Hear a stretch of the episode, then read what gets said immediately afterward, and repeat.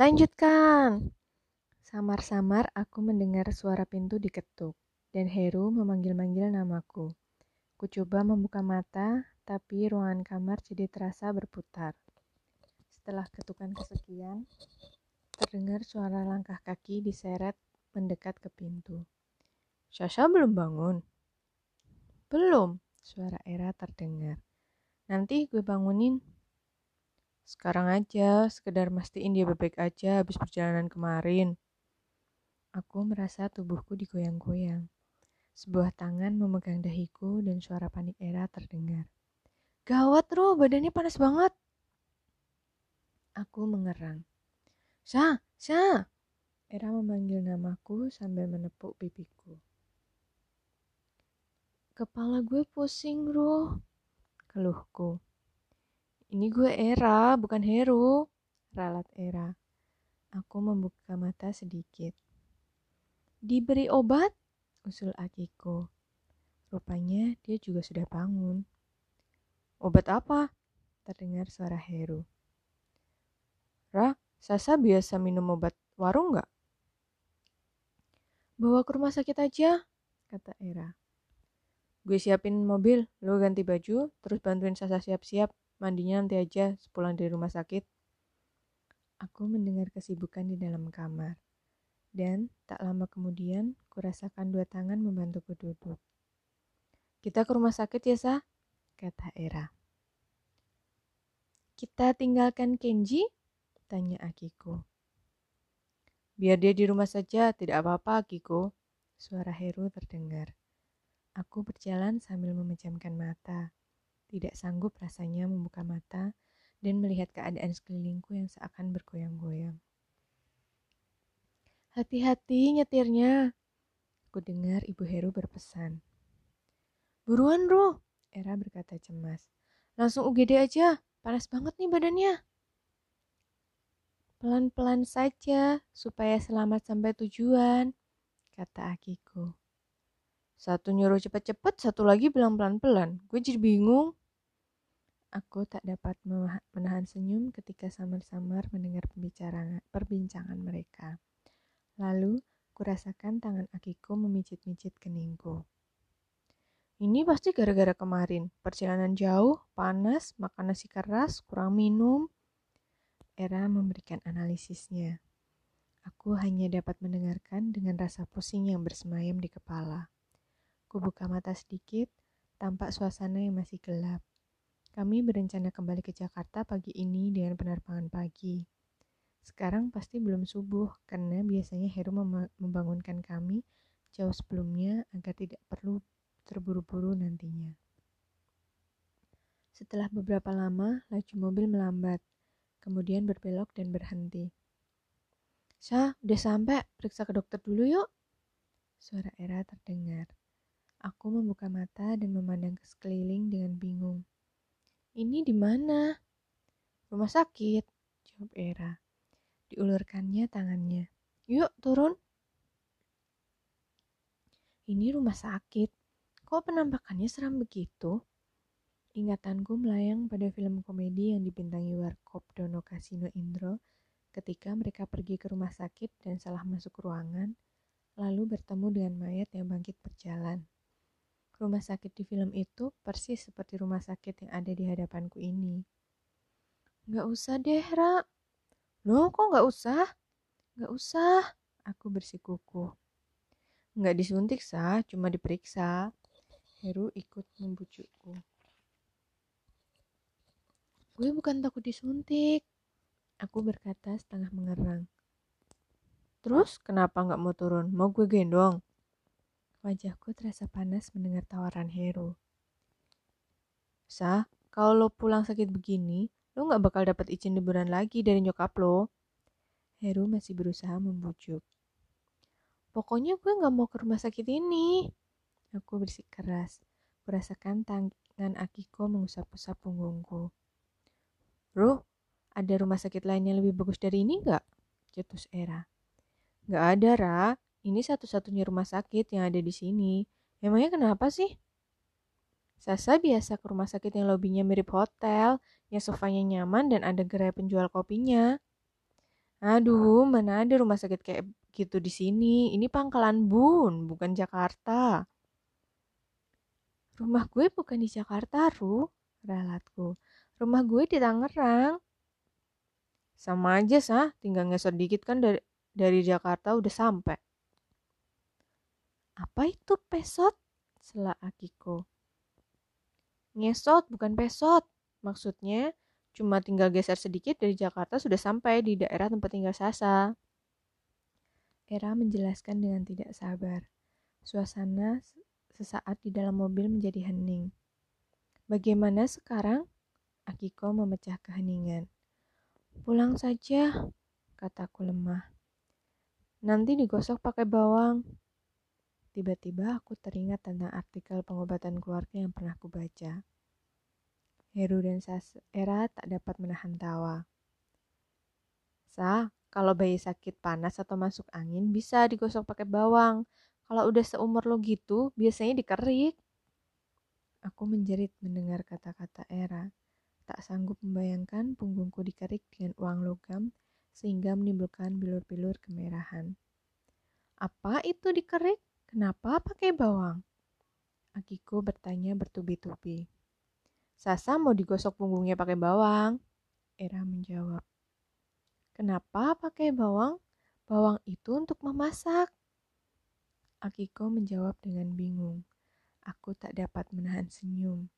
Biar saja itu jadi PR buat Era, menjelaskan soal kerikan pakai bawang kepada Akiko. Sakit apa, kata dokter? Ibu Heru menyambutku dengan pertanyaan. Nggak jadi ke dokter, Bu. Heru menjelaskan. Kenapa? Sasa maunya dikerik pakai bawang. Hus, yang dikerik pakai bawang itu bayi. Sasa dibawa ke kamar saja, biar ibu yang pijat. Enggak dikerik pakai koin kan, Bu? Tanya ku was-was. Enggak. Aku menatap Ibu Heru dengan sedikit curiga. Kenapa ibunya Heru menjawab pertanyaanku sambil tersenyum begitu? Heru, ajak teman-temanmu sarapan?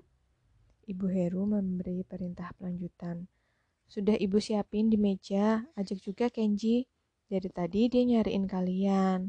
Oh iya, jangan lupa masak air buat mandi Sasa. Setelah itu bikinin bubur. Gak usah repot-repot, Bu. Kataku lemah. Sudah, jangan menghubungi Sasa. Aku tersenyum mendengar ibunya Heru mengusir Era dan Akiko. Saya mau melihat Sasa dipijat, kata Akiko. Kalau begitu, kalau begitu, sekarang Era yang mandi dulu. Nanti gantian dengan Akiko. Suara Ibu Heru terdengar. Aku menahan senyum. Jarang-jarang aku mendengar Era disuruh mandi. Apalagi yang menyuruh bukan orang tuanya. Ayo, bajunya dibuka. Dengan sedikit malu, aku berbaring menelungkup. Ibu Heru kemudian membaluri punggungku dengan minyak kayu putih. Jari-jarinya bergerak menekan. Sesekali aku mengadu kesakitan. Namun, tak dapat kuping kupung kiri, tubuhku terasa jauh lebih baik. Rasanya ketika dipijit. Sakit kepalaku perlahan-lahan menghilang. Sasa, sekarang duduk ya, perintah Ibu Heru. Ibu Heru memijat tengkuk dan kepalaku. Aku meringis. Sudut mataku menangkap sebuah gerakan. Era yang baru saja selesai mandi masuk ke kamar dan membereskan tasnya. Sekilas kulihat Era mengeluarkan sesuatu dari dalam sana. Eh, bukankah itu boneka dari rumah? Kenapa Era mengeluarkan boneka itu? Walaupun tidak terlalu jelas, aku bisa tahu kalau Era sedang mewarnai mata kanan boneka itu. Kenapa boneka itu diwarnai sebelum perjalanan pulang? Berbagai pertanyaan muncul dalam benakku. Sudah selesai, sekarang sarapan dulu. Setelah itu baru mandi air hangat. Ibu Heru menepuk bahuku. Saya mau mandi dulu, Bu, supaya nggak bau minyak, kataku sambil mengenakan kembali baju tidurku. Kalau habis dipijat, jangan langsung mandi. Tunggu kira-kira 15 menit sampai setengah jam. Setelah itu baru mandi pakai air hangat. Aku meringis mendengar penjelasan Ibu Heru. Ayo sana sarapan. Era, ajak Sasa sarapan ya. Aku berdiri perlahan-lahan. Ruangan ini sudah tidak terasa berputar seperti tadi, dan badanku juga terasa lebih enak. Aku mengambil pakaian bersih dari dalam ransel, supaya setelah selesai sarapan, aku bisa langsung ke kamar mandi, dan tidak harus kembali ke kamar untuk mengambil baju. Gimana rasanya? Enakan? Aku menjawab pertanyaan Era sambil nyengir. Hore, Sasa sudah sembuh. Akiko berkomentar sambil bertepuk tangan melihat aku muncul di ru ruang makan. Heru buru-buru berdiri dan menarik kursi untukku. Kulihat menu sarapan di atas meja sama seperti yang kemarin. Nasi goreng dengan telur dadar. Bedanya, nasi goreng kali ini adalah jenis nasi goreng oriental yang berwarna putih. Sasa jangan makan nasi goreng, cegah ibu Heru. Heru sendiri sudah menghilang ke arah dapur. Ketika muncul, tangannya membawa semangkuk bubur panas dan segelas air berwarna kekuningan dengan bau yang tajam. Nah, sekarang makan buburnya, lalu minum air jahenya, setelah itu mandi. Nanti setelah mandi, minum aspirin. Aku mengiyakan ucapan Heru dengan perasaan tidak enak. Rasanya aku seperti merepotkannya. Bro, air jahe gue mana? Celetuk Era begitu Ibu Heru berada di dapur. Heru, saya juga mau minum jahe. Yang terakhir itu celetukan Akiko. Aku berusaha bersikap biasa-biasa walaupun aku tahu pasti wajahku memerah. Heru, teh. Kenji ikutan buka suara. Aku tak dapat menahan tawa. Lucu juga melihat usaha Kenji berpartisipasi dalam ajang meledekku. Heru sendiri mengikuti jejakku, tidak berkomentar apa-apa selain cengiran yang terlihat di wajahnya. Gue nggak tahu kalau ada komplimen buat yang sakit. Era masih sempat berkomentar sebelum memasukkan suapan nasi goreng ke mulutnya. Lo mau sakit, Ra? Tanya Heru. Itu du, itu dia, Ru. Gue nggak suka bubur. Kasian kalau udah susah payah bikin bubur tapi nggak gue makan. Aku berusaha menghabiskan bubur yang ada di hadapanku dengan cepat. Ingin rasanya segera mandi dan melenyapkan sisa-sisa minyak di tubuhku. Mau ke mana, sah? Tanya Heru ketika dilihatnya aku bangkit. Mau mandi, jawabku sambil mendekap baju bersih dan membawa mangkuk kosong ke dapur. Bukan berarti aku mau mandi di dapur, hanya saja kamar mandi di rumah ini letaknya bersebelahan dengan dapur. Gak usah diantar, cegahku ketika melihat Heru ikut berdiri. Sejak acara sarapan, Heru jadi terganggu gara-gara sibuk menyiapkan sarapanku. Biar gue yang tuangin air panas buat mandi. Iya, Era berkomentar. Pandangan matanya tertuju pada sisa nasi goreng yang ada di piringnya, trik supaya tidak harus melihat pelototan mataku. Heru, lanjutkan. Akika berkomentar sambil cekikikan. Kenji yang bingung langsung menanyakan terjemahan pembicaraan kepada Akiko. Kepalanya dibasahin sambil ditepuk-tepuk ya nanti. Heru memberikan contoh kepadaku setelah selesai menuangkan air panas ke dalam panci. Aku mengangguk, tidak sanggup menatap Heru, juga tidak sanggup untuk sekedar mengucapkan terima kasih. Selesai mandi, kulihat Ibu Heru berada di dapur. Di sebelahnya, Era sedang mencuci piring bekas sarapan tadi dengan ditemani Akiko. Mari ibu rendamkan pakaianmu yang tadi, ucap ibu Heru ketika melihatku. Eh, nggak usah bu, nanti saya bungkus dengan plastik terpisah saja. Nak, pakaianmu bau minyak gosok. Kalau didiamkan, nanti baunya tidak hilang sempurna. Kalau gitu, biar saya saja cuci sebentar. Aku bersikeras. Biar ibu yang cuci. Nak Sasa merapikan barang-barang saja. Jangan sampai ada yang ketinggalan. Nanti pakaian basah ini dimasukkan ke plastik dan ditaruh di ransel bagian atas. Dengan serba salah, kuberikan pakaian tidurku. Sempat kulihat Era dan Akiko saling mengedipkan mata sebelum kemudian buru-buru memasang wajah serius sambil membilas piring dan gelas. Hati-hati di jalan ya nak. Ibu Heru mengusap kepalaku ketika aku berpamitan. Heru, kamu jaga Sasa. Aku nyaris tersedak mendengar pesan Ibu Heru. Saya dan Akiko perlu dijaga juga nggak, Bu? Sahut Era. Aku memelototi Era yang memasang wajah polos. Ibu Heru tertawa. Sebagai tuan rumah, Heru punya kewajiban menjaga kalian semua karena kalian tamu kami. Berhubung Sasa sedang kurang enak badan, dia harus lebih diperhatikan. Ibu Heru menatap Era dan tersenyum. Nah, Era jangan cemburu ya. Aku memasang senyum lebar di wajahku. Senyum kemenangan. Apalagi ketika melihat Era tidak bisa berkomentar lagi. Kenji di depan aja, kata Era sebelum masuk ke taksi yang akan membawa kami ke bandara. Aku menoleh. Tumben. Tadinya kupikir Heru yang akan duduk di samping pengemudi. Dengan demikian, ada kesempatan Era duduk bersebelahan dengan Kenji. Kalau begini kan Era malah berjauh, berjauhan dengan Kenji. Aku mengendus-endus pakaianku.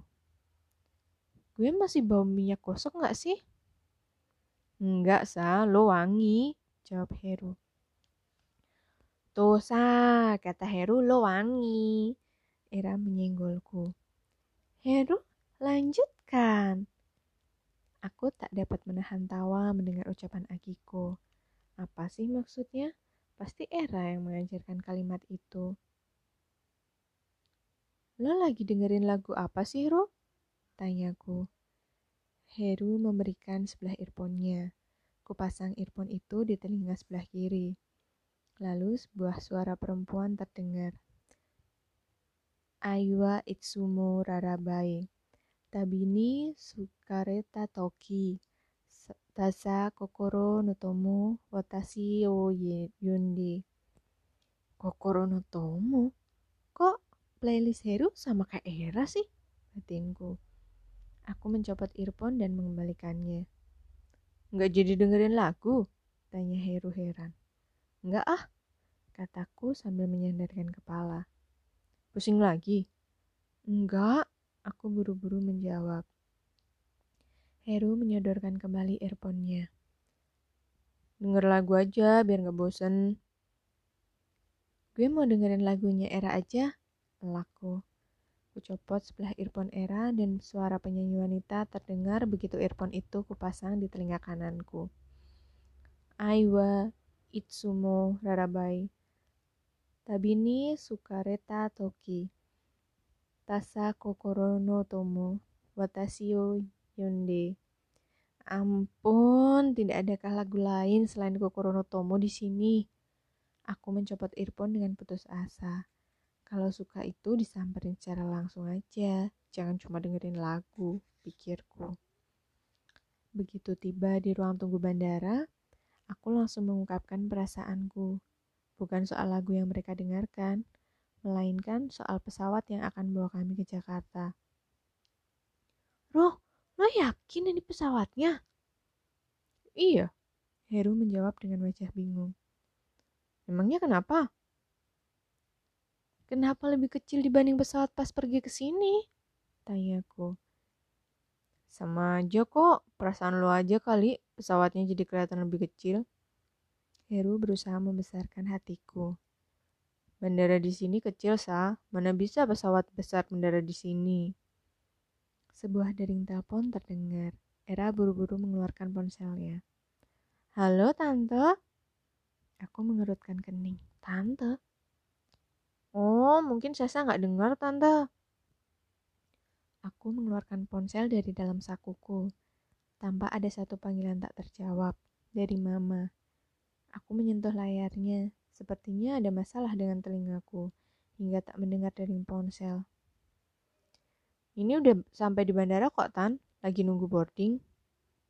Aku mengawasi Era. Kalau dia sampai menceritakan tentang kondisiku yang sakit setelah dari Tanjung, Tanjung Puting, Awas saja. Pesawatnya lebih kecil dari pesawat Garuda, Tan. Tapi wujudnya tetap pesawat kok. Sasa baik-baik aja kok, Tan. Semalam gak sempat nelpon, soalnya kami udah kecapean semua. Nanti Era sampaikan, makasih ya, Tan. Aku mengakhiri, Era mengakhiri pembicaraan. Tuh, gue ceritain yang bagus-bagus aja. Aku menghela nafas lega. Lalu perhatianku kembali tercurah pada pesawat yang berada di apron. Penampilan pesawat-pesawat ini tidak kinclong dan ukurannya lebih kecil dibanding pesawat Boeing milik Garuda. Aku jadi teringat pengalamanku ketika naik pesawat maskapai penerbangan berbiaya rendah. Warna penutup kursi di dalamnya sudah pudar. Bahkan ada yang sudah sobek di beberapa bagian. Mudah-mudahan pesawat ini tidak seperti itu, doaku. Heru menyodorkan obat kepadaku. Apaan?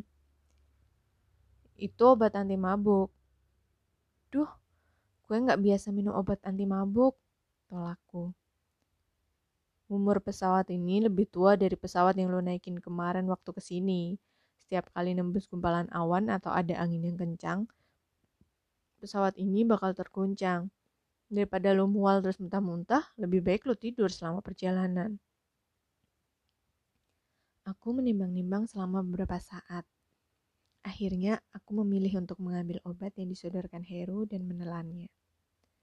Berapa lama lagi ya gue bakal ngantuk? Kira-kira setengah jam, pas dengan saat kita naik ke pesawat. Aku mengembuskan nafas lega. Tidak lucu kalau aku ketiduran di sini dan harus digotong ke dalam pesawat beramai-ramai. Sebenarnya ada yang lebih gue khawatirin daripada soal mabuknya Sasa. Era nyeletuk sambil duduk di sebelahku. Akiko mengikuti. Aku melirik ke arah Era yang tumben tidak menemani Kenji yang sedang asik memotret. Apa? Heru bertanya penuh rasa ingin tahu. Tahu nggak? Setiap kali Sasa naik pesawat dari maskapai di luar maskapai nasional, nggak lama kemudian maskapai itu bangkrut. Sotoy. Aku mendengus sebal. Lo inget-inget aja sendiri. Dulu lo pernah naik pesawat yang dioperasiin maskapai, maskapai berlogo manusia bersayap ke Bali. Apaan tuh? Tanya Heru. Masa lo nggak tahu sih? Jawab Era. Hmm, gue baru tahu kalau Sasa mau juga naik pesawat murah, kata Heru. Iya, Ru, soalnya dia sekeluarga pergi, libur, pergi liburan sama keluarga tetangganya ke Bali. Liburan bareng gitu deh. Nggak lama pulang dari Bali, maskapai itu bangkrut. Halah, kebetulan aja kali, kataku membela diri. Era tidak peduli. Terus, Sasa sekeluarga pergi ke Belitung. Lo tau gak, Ru? Belitung itu pulau kecil, bandaranya pun milik TNI AU. Gak ada bandara komersial. Pesawat yang terbang ke sana saat itu cuma ada dua maskapai.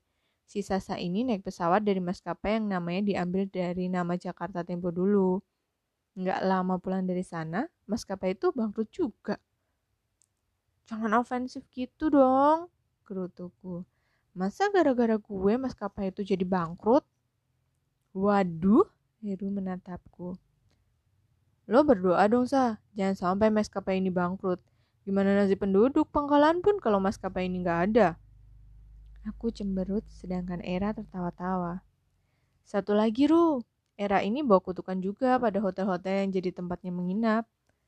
Ada kejadian juga. Heru tampak antusias dengan cerita Era. Ada, Ru. Pas Sasa bareng bokap nyokapnya ke Palembang, mereka nginep di hotel lokal. Sebenarnya, hotel ini udah ada di beberapa kota, tapi masih sebatas hitungan sebelah jari. Gak lama setelah Sasa pulang dari sana, hotel itu ganti manajemen dan berganti nama. Waduh, gawat.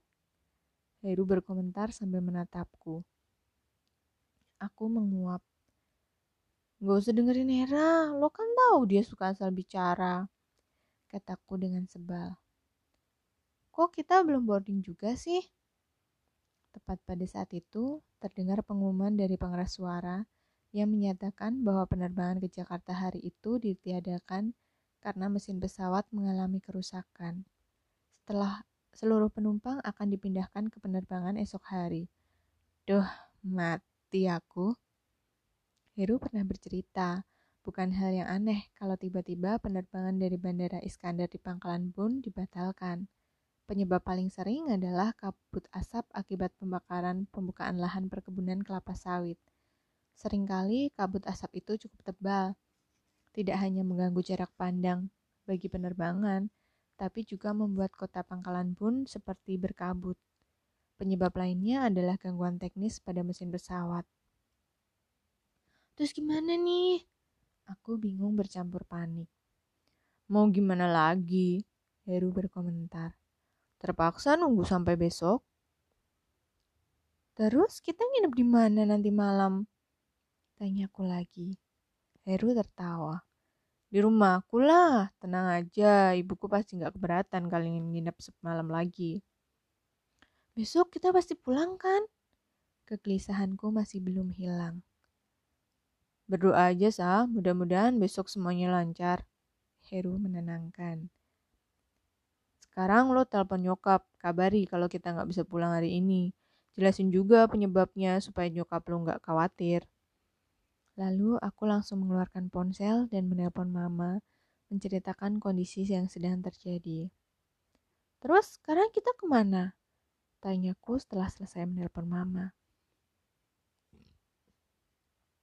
Kita cari info lebih jelas ke petugas. Di sini bukan hal yang aneh kalau pesawat terbang nggak sesuai jadwal. Masih mending kalau mundur. Kalau maju, kita bisa ketinggalan pesawat. Aku menelan ludah. Tanpa berkata apa-apa, aku mengikuti Heru bergabung bersama penumpang lain yang juga sedang mencari kejelasan penerbangan esok hari. Kita ke mana nih? Aku bertanya setelah semua urusan selesai. Terserah, mau balik ke rumah boleh, mau jalan-jalan juga boleh. Heru menengahi. Kita akan jalan-jalan ke mana? Wajah Akiko mendadak berbinar mendengar kata jalan-jalan. Kita ke Pantai Kubu saja. Kayaknya masih sempat nyebrang ke, ke Tanjung Keluang. Main pasir, lihat tukik, main air. Setelah itu balik ke Pantai Kubu, makan sambil nunggu sunset. Pemandangan sunset di pantainya indah banget. Ada banyak spot buat motret. Kenji pasti seneng. Yang jelas sebelum sore kita udah balik ke Pantai Kubu. Kenapa begitu? Akiko bertanya cepat. Menjelang sore, air laut pasang. Berbahaya menyeberang dengan menggunakan perahu kelotok saat air pasang. Jalan-jalan dan makan-makan. Wajah Akiko masih berbinar. Oisi! Nah, keluar lagi kata Oisi. Kataku dalam hati. Kita pulang dulu terus ambil mobil atau langsung sewa mobil dari sini? Tanyaku. Mau pulang dulu boleh, mau sewa mobil dari sini juga boleh. Tapi lebih enak pulang dulu, ambil mobil, terus jalan-jalan, lebih bebas. Sesaat kemudian Heru terdiam.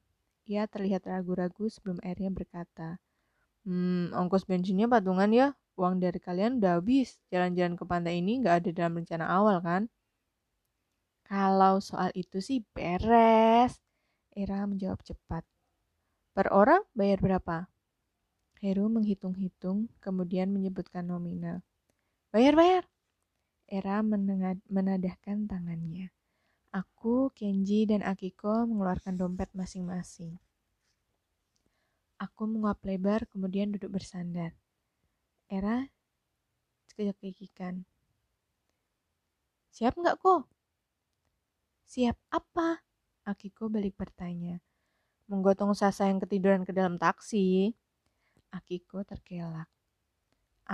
Atau kita serahkan aja tugas ini kepada Heru. Era melanjutkan celotehannya. Sambil masih tertawa-tawa, Akiko menoleh ke arah Heru. Heru, lanjutkan.